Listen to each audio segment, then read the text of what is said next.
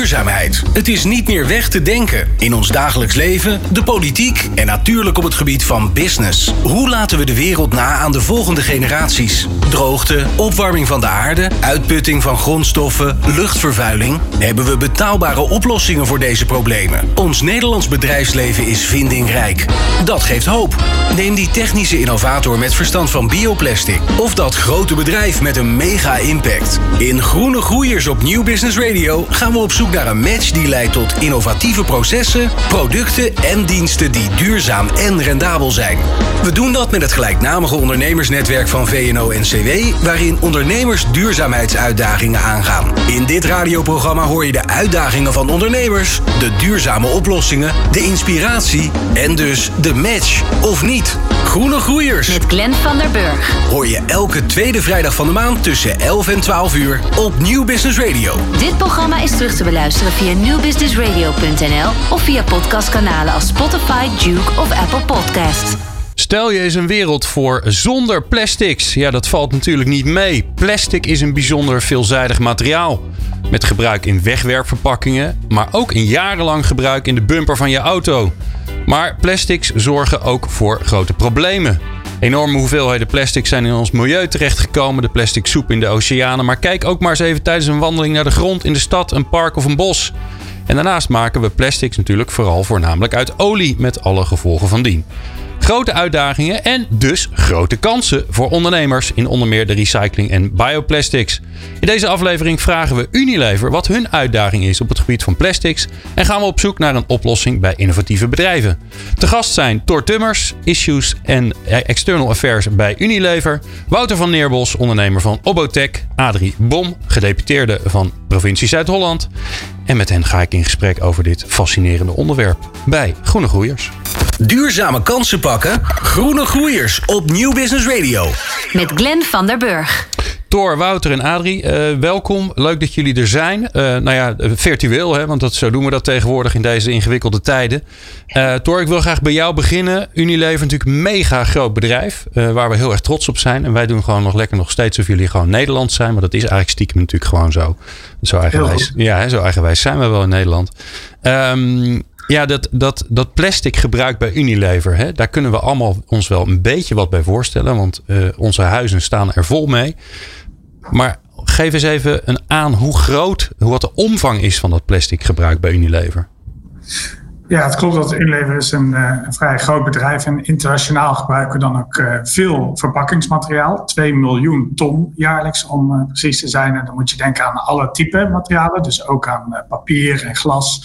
En ongeveer 700.000 ton aan plastic. Dus het zijn gigantische hoeveelheden waar we zeker iets mee moeten gaan doen, zodat die in ieder geval geen negatieve impact op het milieu hebben en veel meer circulair worden. Ja, en, en waarom is dat een lastige uitdaging? Als men aan plastic denkt en uh, uh, dat eigenlijk zou willen vervangen, dan zijn er uh, alternatieve materialen, maar die zijn niet per se duurzamer. Dus je kan je voorstellen dat je een shampoo fles van plastic hebt en als je die van glas hebt, daar heb je ook materiaal voor nodig en, en vrij veel energie om glas te maken. Dus je CO2-uitstoot gaat dan eigenlijk omhoog. Dus een één op één verandering van het materiaal is niet per se de oplossing. Bovendien willen we ook geen glas in de natuur of in de oceaan. dus moeten we kijken, wat kunnen we dan wel doen? En daar komt heel veel innovatie en technologie bij kijken. Een herontwerp van het verpakking zelf, maar ook het consumentengedrag. Wat kan een consument wel en niet doen en hoe kan die uh, afval scheiden en wat is gemakkelijker en wat is technisch mogelijk. En dat verschilt ook nog per product. Je kan je voorstellen dat een shampoo heel anders is dan een voedingsmiddel. Ja, ja laten we daar even helder over zijn. Hè? Want plastic krijgt natuurlijk een beetje een slechte naam de laatste tijd. Maar het is natuurlijk een fantastisch product eigenlijk, waar je ongelooflijk veel mee kan. Ehm, het nadeel is alleen dat, uh, dat het verdwijnt in ons, in ons, in ons milieu. en dat we heel veel weggooien of verbranden. Dat is natuurlijk ook niet zo prettig. dus de uitdaging ligt er vooral in om ervoor te zorgen dat we het op een duurzame manier gaan gebruiken. En dat daar hebben we nog niet echt over nagedacht. Nee, eh, inderdaad. Dus dat zijn de grote uitdagingen. En uh, misschien wel goed om te, uh, aan te geven dat die dus heel erg verschillen per regio. ik denk dat je wel een beeld hebt bij plastic in de oceaan. Maar we moeten ook eerlijk zijn, dat is niet het plastic wat in Nederland via de rivier de grote oceaan in drijft. We hebben hier op zich in West-Europa een goed systeem van inzameling. Echter wordt er nog veel te veel gestort en verbrand, want we zouden willen recyclen tot nieuw materiaal. En in andere gebieden, denk aan Brazilië, Indonesië, Maleisië, is echt nog een gebrekkig inzamelsysteem en zou je daaraan moeten werken. Ja. Nou uh, kennen we natuurlijk allemaal uh, uh, statiegeld op, op flesjes bier. Want die moeten we altijd weer fijn terugbrengen naar de, naar de, naar de supermarkt. Is, is, is het niet een idee om daar iets mee te doen?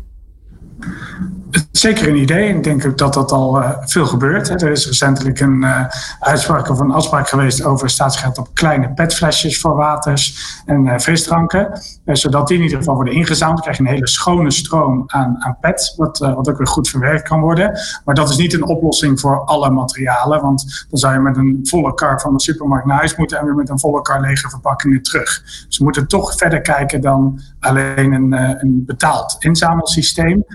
maar wat we helemaal in die keten kunnen doen aan de verwerking en de uh, recycling, zodat we weer hoogwaardige nieuwe grondstoffen hebben, waar we onder andere verpakkingen van kunnen maken, uh, of andere nuttige materialen of uh, grondstoffen. Ja. En wat doen jullie als Unilever, Tor?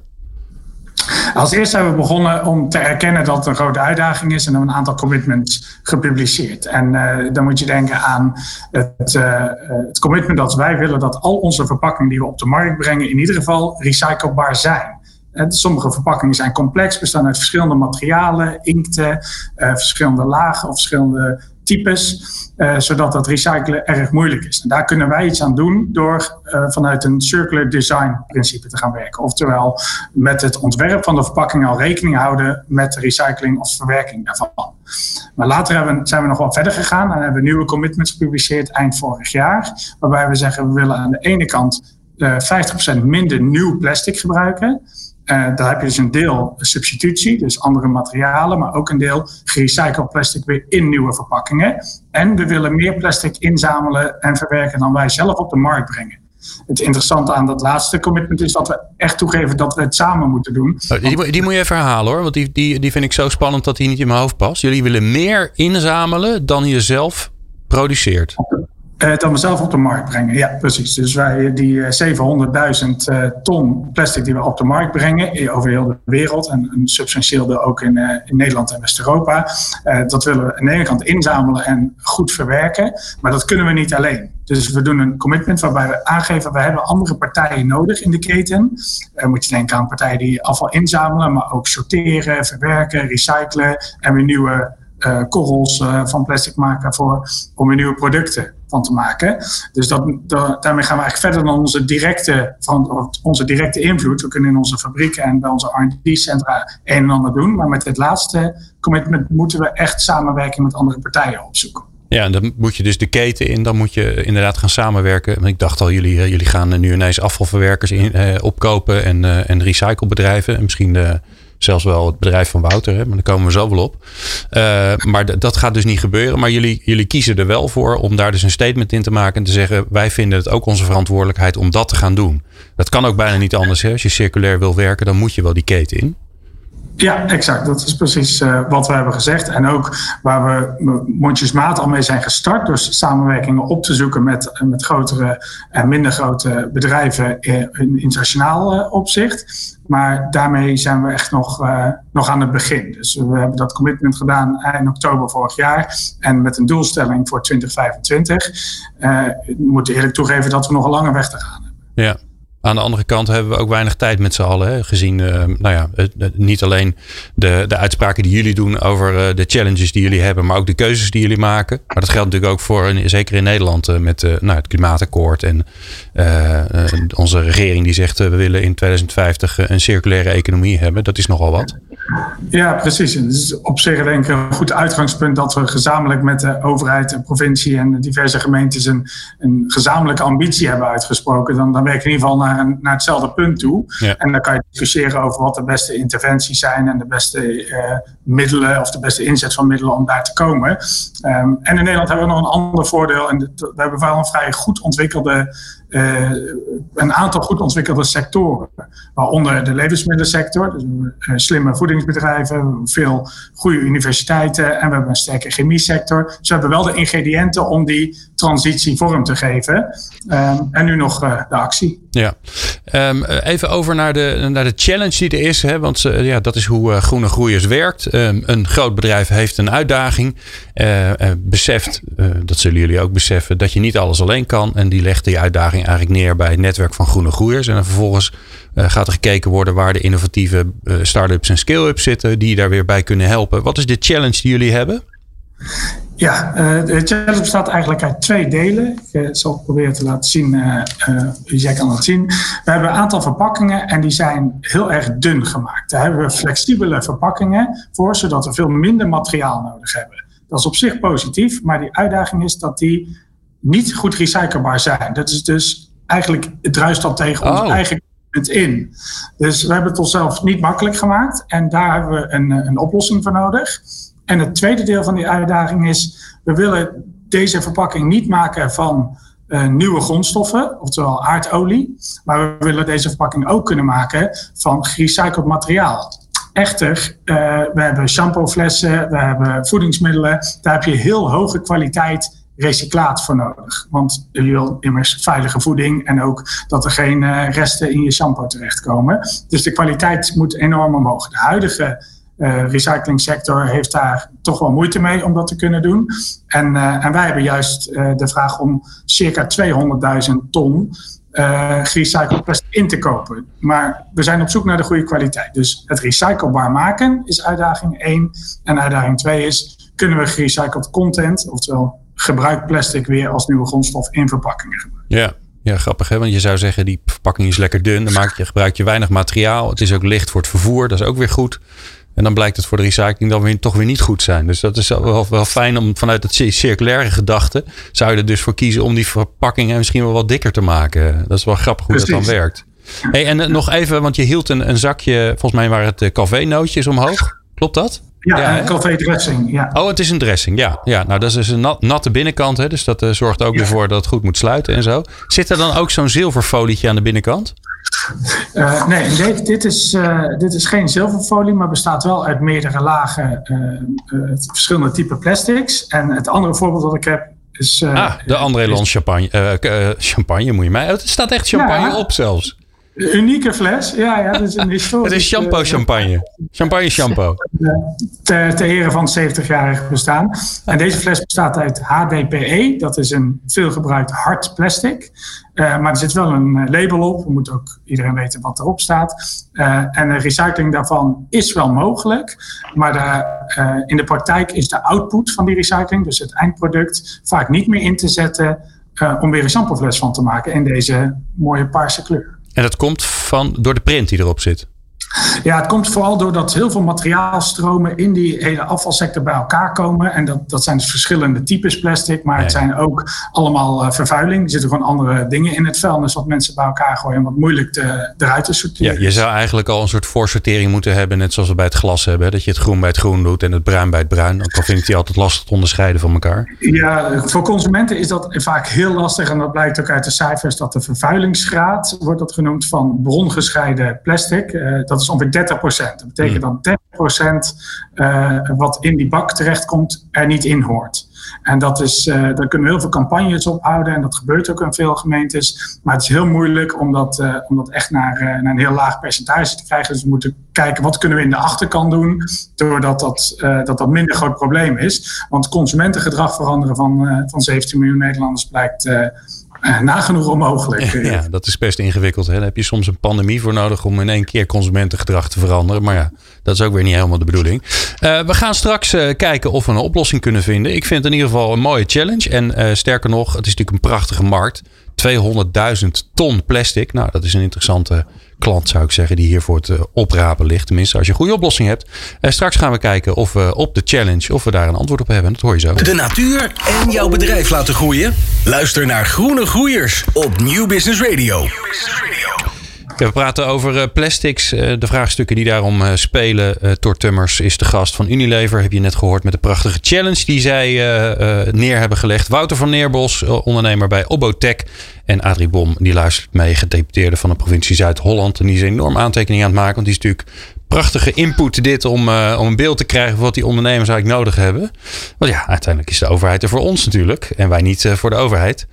Ook al vindt volgens mij JFK dat anders. Um, Wouter, jullie recyclen plastic.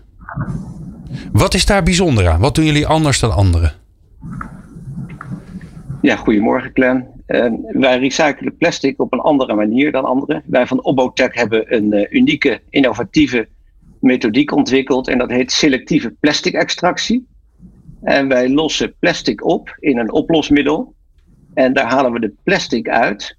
En de andere middelen die, om het plastic heen zitten, dus kleine vervuiling, zoals aluminium, waar Thor het net over had, of andere elementen, die, uh, die blijven achter. We halen de plastic korrels, die houden we in stand en die uh, halen we weer puur daaruit. En daar kunnen we straks weer nieuwe plastics van maken.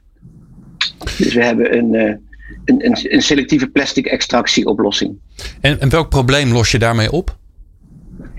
Het probleem wat vandaag de dag wat we zien is dat veel plastics worden ingezameld en worden gerecycled. En die worden dan mechanisch gerecycled. Maar wat je ziet is dat mechanisch recyclen haalt eigenlijk niet de, de innerlijke uh, vulstoffen, kleurstoffen, geurstoffen van plastics uit het materiaal. Um, dus je blijft altijd zitten met een materiaal wat een bepaalde contaminatie heeft. En wij halen die contaminatie uit die plastics en maken er weer virgin of maagdelijk plastic van. Oké, want daar, daar gebeurt iets interessants. Hè? Want dat virgin plastic, dat is een, een, belang, is een belangrijke term. Um, uh, zeker als het gaat om de voedingsmiddelenindustrie, volgens mij, het hoor. Want daar zijn ook regels voor. Uh, tenminste, dat heb ik mij ooit la laten vertellen. Dat je niet zomaar gerecycled plastic mag gebruiken om voedingsmiddelen in te verpakken. Ja, klopt. Het wordt ook uh, zeer nauwkeurig gecontroleerd. In Europa hebben we de EFSA, de European Food Safety Authority. En die heeft, stelt heel strikte eisen aan het verpakken van voedingsmiddelen. En dat is ook logisch, want we willen vooral veilige voeding. En dat hebben we gelukkig ook in de EU. Ja, ja, dus dat is heel fijn. Het, nadeel ervan is, is dat volgens mij gerecycled plastic gezien wordt als afval. En afval, dat heeft een andere status dan grondstof. Uh, is dat iets wat, uh, wat ons in de weg zit qua nou ja, regeltjes? Kijk maar even naar, ja. naar, naar Thor en Wouter tegelijk. Uh, ik, ik denk het wel. Um, en dat is een lange weg te gaan, denk ik. Um, ik wil niet. met Obotech richten we ons natuurlijk op het hoogste mogelijke doel. Maar er zijn ook nog andere zaken die we kunnen recyclen. Thor hield net mooie André Lon shampooflessen naar boven van HDPE. Nou, dat is niet wat we opeten, maar wat we gebruiken als uh, ja, personal care attributen.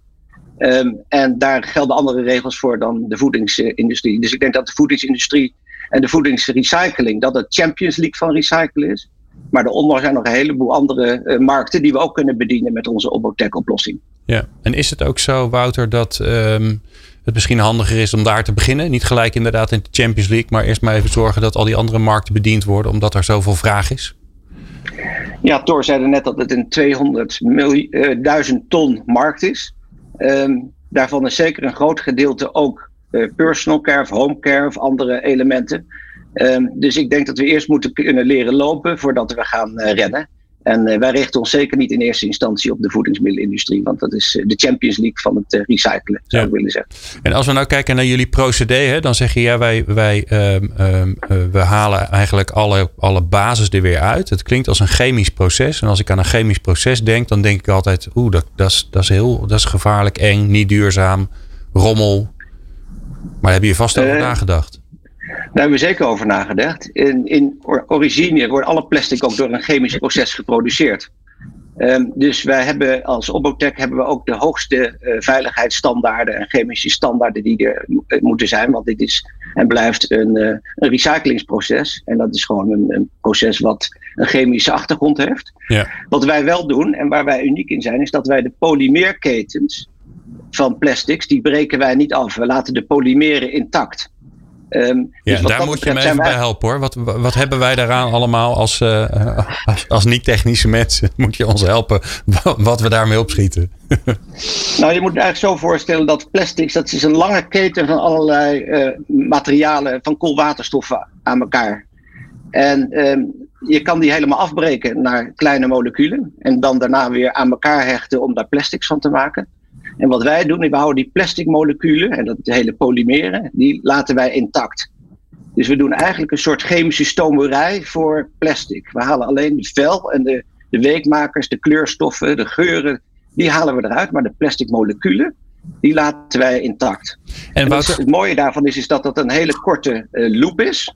Dus een hele korte recyclingsketen.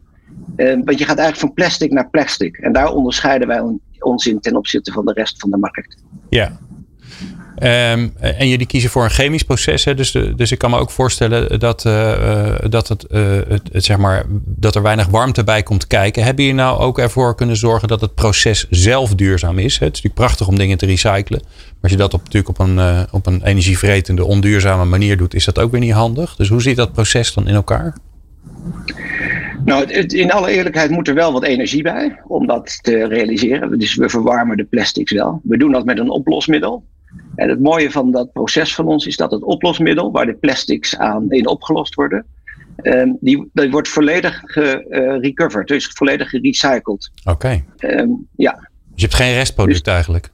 Dus we, we, hebben geen restproduct, alleen we houden dus dan de afvalproducten die er in de plastic zitten. Dus de pigmenten, Ehm, en als er wat vervuiling aan zit, hè, als, als er restjes shampoo of andere dingen aan zitten, dan, dan blijft dat er ook blijft daarachter. Ja, en betekent dat dan ook, hè, want dat was, uh, vertelde Thor al even, de grote uitdaging is natuurlijk dat uh, je hebt, uh, je hebt die afvalstromen die zeg maar eh, bij ons thuis vandaan komen. Hè. Wij gooien alle braaf alle plastic in de, in de Plastic Heroes bakken. maar ja, soms denk je zelf ook van ja, is het nou hard of zacht plastic?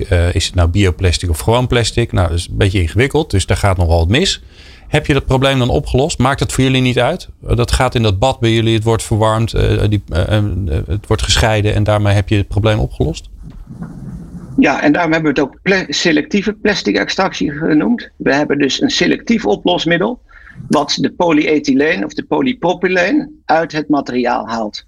En de andere plastics die blijven achter. Dus dan moet je denken aan PVC of aan PET, PET. Dus die blijven achter samen met andere afvalstoffen. Nou, Thor, Volgens mij uh, heb je een, een oplossing gevonden. Wat, uh, hoe klinkt dit? Ja, het klinkt uh, denk ik heel goed. Een aantal dingen die er positief aan zijn, zijn onder andere de kwaliteit van, van het materiaal, van het recycleren, van het recycleproces. Uh, en dat het om twee van de meest gebruikte type plastics gaat uh, in ons portfolio. PET kent iedereen van PET-flessen. En PP is dan een ander type plastic. Dat wordt veel gebruikt in, in voedingsmiddelen voor bakjes. En, en polyethyleen zie je ook veel in zakjes en in folies.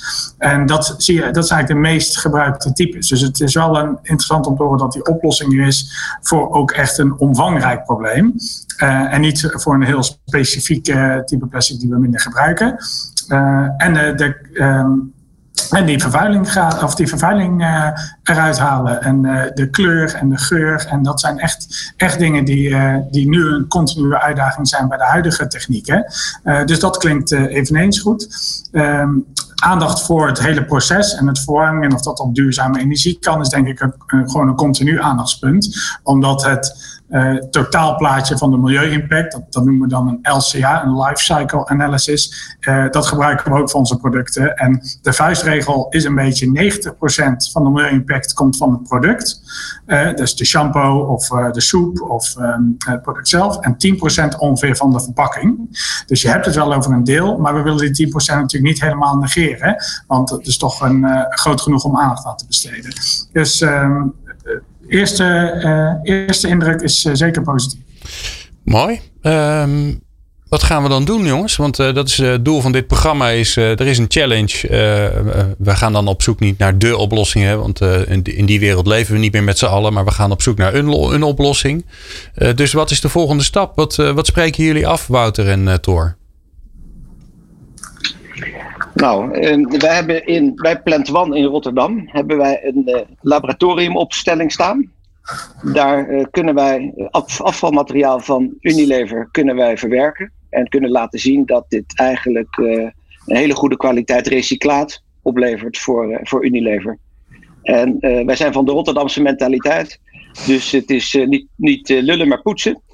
en wij kunnen eigenlijk eh, morgen materiaal van Unilever kunnen wij eh, verwerken en eh, aantonen dat wij een oplossing hebben om een, de, de, keten te sluiten binnen deze uh, plastic shampoo bijvoorbeeld van André Lon. Ja.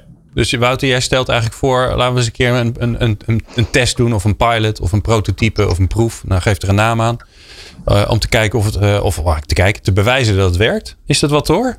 Ik snap dat jij niet nu uh, kan zeggen, oh, ik heb hier 200.000 ton, daar zeg ik gelijk ja tegen. En het maakt niet uit wat het kost. Hè. Dat snap ik dat je dat niet kan zeggen. Maar wij zijn altijd op zoek naar het eerste concrete stapje.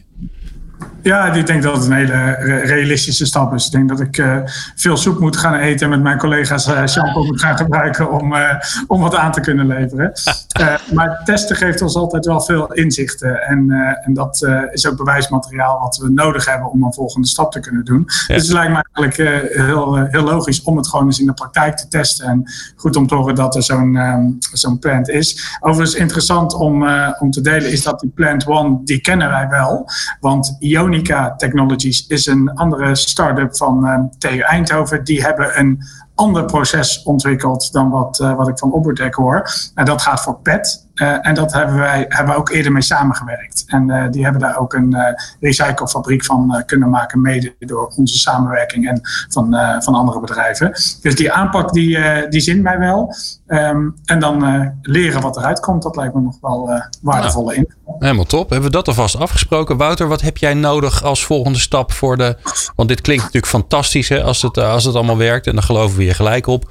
Um, wat, is, wat is nodig voor het volgende stap van het bedrijf om, om te groeien? Want ja, we hebben nogal wat plastic in Nederland en zeker in de wereld. Maar laten we maar beginnen in Nederland. Nou, allereerst dit soort tests. En ik ben dus heel blij dat Tor eigenlijk met Unilever uh, bereid is om zo'n test mee te werken. Um, daarnaast is het een industriële ontwikkeling. Dus je ziet dat als een kleine onderneming is het lastig om in een industriële omgeving te groeien. Dat is heel erg kapitaalintensief, dat is heel erg resource-intensief. En je ziet dat je eigenlijk eh, ja, in een omgeving waar je met de reuzen, als een soort David tegen Goliath aan het vechten bent. En uh, we hebben dus veel exposure nodig zoals vandaag. Uh, dat helpt ons. En we hebben veel supporters nodig die bij ons eigenlijk willen testen en ons verder willen hebben in de scale-up van ons bedrijf. Ja. Nou, hoorde had ik laatst eh, iemand van IKEA in de studio. En die vertelde een heel leuk verhaal. Namelijk, want die, die, werkt, die werkte dan samen met een matrasverwerkingsbedrijf. Want IKEA verkoopt nogal matrassen. Die doet eigenlijk hetzelfde als wat Unilever doet. Die zegt ja, wij, wij voelen ons verantwoordelijk voor het product wat we verkopen. En die, uh, die gaan dan een samenwerking aan met dat bedrijf. Dat heet overigens Retour Matras, ook een heel leuk bedrijf. Maar die gaan niet alleen een samenwerking aan, die nemen ook aandelen. Dus die investeren ook echt. En dat vond ik zo gaaf om te horen dat zo'n groot bedrijf uh, blijkbaar dus uh, zo ver wil gaan in de, in de samenwerking en in het geloof, maar ook in de verantwoordelijkheid nemen dat ze zelfs investeren. Is dat iets wat jullie ook doen, Thor? Nou, voorheen eigenlijk uh, heel weinig, omdat toch altijd het, uh, het credo was: wij zijn van uh, fast moving consumer goods, oftewel de producten die je gewoon in de supermarkt vindt. Um, maar meer recentelijk is dat wel veranderd. En hebben we ook al voorbeelden dat we investeringen doen in bedrijven of bijvoorbeeld andere vormen van samenwerking door een afnamecontract te geven, zodat het bedrijf verder kan komen. Dus een meer langdurige partner samenwerking, die bestaan er zeker. Um, daar hebben we dan ook weer uh, mensen voor die dat helemaal beoordelen en zo'n zo'n bedrijf ook weer doorlichten. Ja, ja, maar zeker wel iets om, uh, om samen verder te kunnen groeien. Uh, omdat het, we weten wel dat deze uitdagingen, en dat zal voor de IKEA denk ik ook gelden, je wil matrassen blijven verkopen, wij willen soep en shampoo blijven verkopen. Dus dit is wel een vereist ook structurele samenwerking. Dit is niet een oplossing en daarna is het probleem weg. Dit blijft gewoon toch, uh, uh, toch actueel. We hebben nog een heel leuk uh, voorbeeld. want we, een van de dingen die we altijd doen bij Groene Groeiers is het wilde idee. En we hebben oh, ja. een heel mooi ja. wild idee dat ook weer gaat over plastic. Laten we daar even naar gaan luisteren. Het wilde idee van. Ik ben Jasper van Reflow. En Reflow maakt van afvalstromen hoge kwaliteit 3D-printmaterialen. Dit doen we in samenwerking met recyclers en met merken die hun eigen afvalstromen op een betekenisvolle manier willen verwerken. Zo recyclen we al reststromen van voedselverpakkingen tot aan de plastic lenzen van Asian Tate. We hebben hier een eigen proces en technologie voor ontwikkeld. En van onze materialen worden producten gemaakt van banken tot aan lampen tot aan enorme kunstwerken buiten. En onze gehele productie vindt plaats in Amsterdam met afvalstromen uit de Benelux. 3D-print is een van de snelst groeiende markten en is in korte tijd van een niche-technologie tot een volwaardige productietechnologie gegroeid. En ons wilde idee is om de gehele 3D-print-industrie te verduurzamen en hiermee lokaal en circulair produceren mogelijk te maken. Nou, prachtig. Ik heb ook even op de site gekeken. Ja, ze maken gewoon uh, van, die, uh, van die korreltjes hè, die je dan in je 3D-printer kunt stoppen. En daar worden natuurlijk allerlei voorwaarden aangesteld, want anders werkt die printer niet. Um, nou, en dan altijd bij het wilde idee hebben we drie hele leuke mensen in de studio. En die hebben dan een mooi advies. Of die zien een linkje, of die denken, oh, bel die. Dus we gaan jullie alle drie even langs om van jullie te horen hoe jullie de Reflow zouden kunnen helpen. Nou, laten we maar eens even beginnen bij Thor. Laten we maar eens even niet geëmancipeerd zijn. Leuk uh, om te horen, leuk idee, omdat ik uh, geloof dat 3D-printen dat al zoveel meer, mogelijk is dan uh, toen dat initieel op de markt kwam, echt voor een stel hobbyisten. Dus dat is zeker denk ik al uitgegroeid. positief en interessant eraan vind ik dat ze verschillende inputmaterialen gebruiken. Bijvoorbeeld van die lenzen en voedingsmiddelenverpakkingen. de uitdaging die ik wel nog zie is schaal. Hoe kan je dit echt groot maken? Dan moet je sowieso natuurlijk van Amsterdam naar Rotterdam gaan, of in ieder geval en en. Maar uiteindelijk um, uh, kan natuurlijk allemaal een oplossing zijn. En uh, wat ze daarvan kunnen maken, uh, dat vinden wij prima. Je hoeft niet altijd van een voedingsmiddelverpakking weer een nieuwe voedingsmiddelverpakking te kunnen maken, maar wel zeker iets beters dan, um, dan dat je het verbrandt of stort.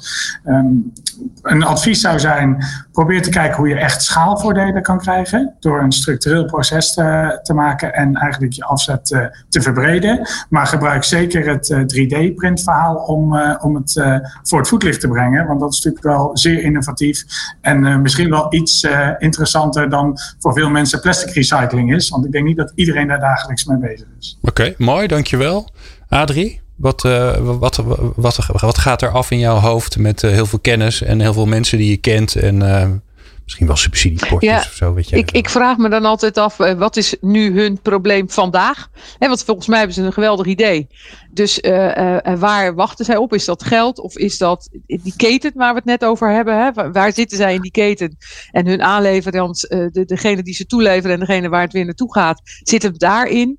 Um, ja, ja, als het middelen zijn of een ruimteplek, ja, voor, voor al die vraagstukken heb ik wel contacten om ze mee in verbinding te brengen. Moeten ze uh, wel, moeten ze wel even naar een andere provincie? En, uh, en ik in Zuid-Holland. Ik wou net zeggen, moeten ze dan eerst verhuizen of, of een, of een nee, dependance nee, nee, openen? Nee, nee, Nee, volgens mij in, in deze maatschappij, wij, wij hebben met elkaar gesprek terwijl we allemaal op verschillende plekken zitten. Ja. In verschillende uh, delen van het land. Dus dat hoeft helemaal niet. Hè. Je, met één, één klik op uh, de knop, één muisklik ben je verwijderd van elkaar. Dus kunnen ze dus, een half uurtje met je bellen? Ja, maar volgens mij zijn ze meer gebaat als ik ze laat bellen met, als het over financiën gaat, met bijvoorbeeld een ontwikkelingsmaatschappij. Okay. Die ze gewoon de weg kan wijzen. Ja. Waar moet je zijn? Mooi, oké, okay. nou dat is mooi. Nou, Wouter, jij zit een beetje, beetje in, in een ja, soortgelijke business, volgens mij, uh, qua doel in ieder geval wel. Uh, andere, andere markt. Wat, wat, heb, wat voor advies heb je voor ze?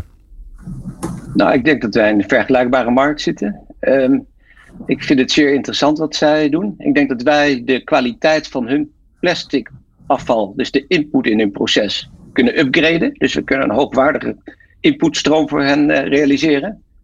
Daarnaast vind ik het zeer interessant dat zij met een decentrale oplossing zitten van 3D-printers. Dus eigenlijk kan je, zou je je kunnen voorstellen dat met het afval van uh, Terschelling vandaag de dag, een eiland waar je een 3D-printer zet, daar zou je onze unit ook naast kunnen zetten. En dan zouden we eigenlijk een circulaire plastic economie uh, kunnen realiseren.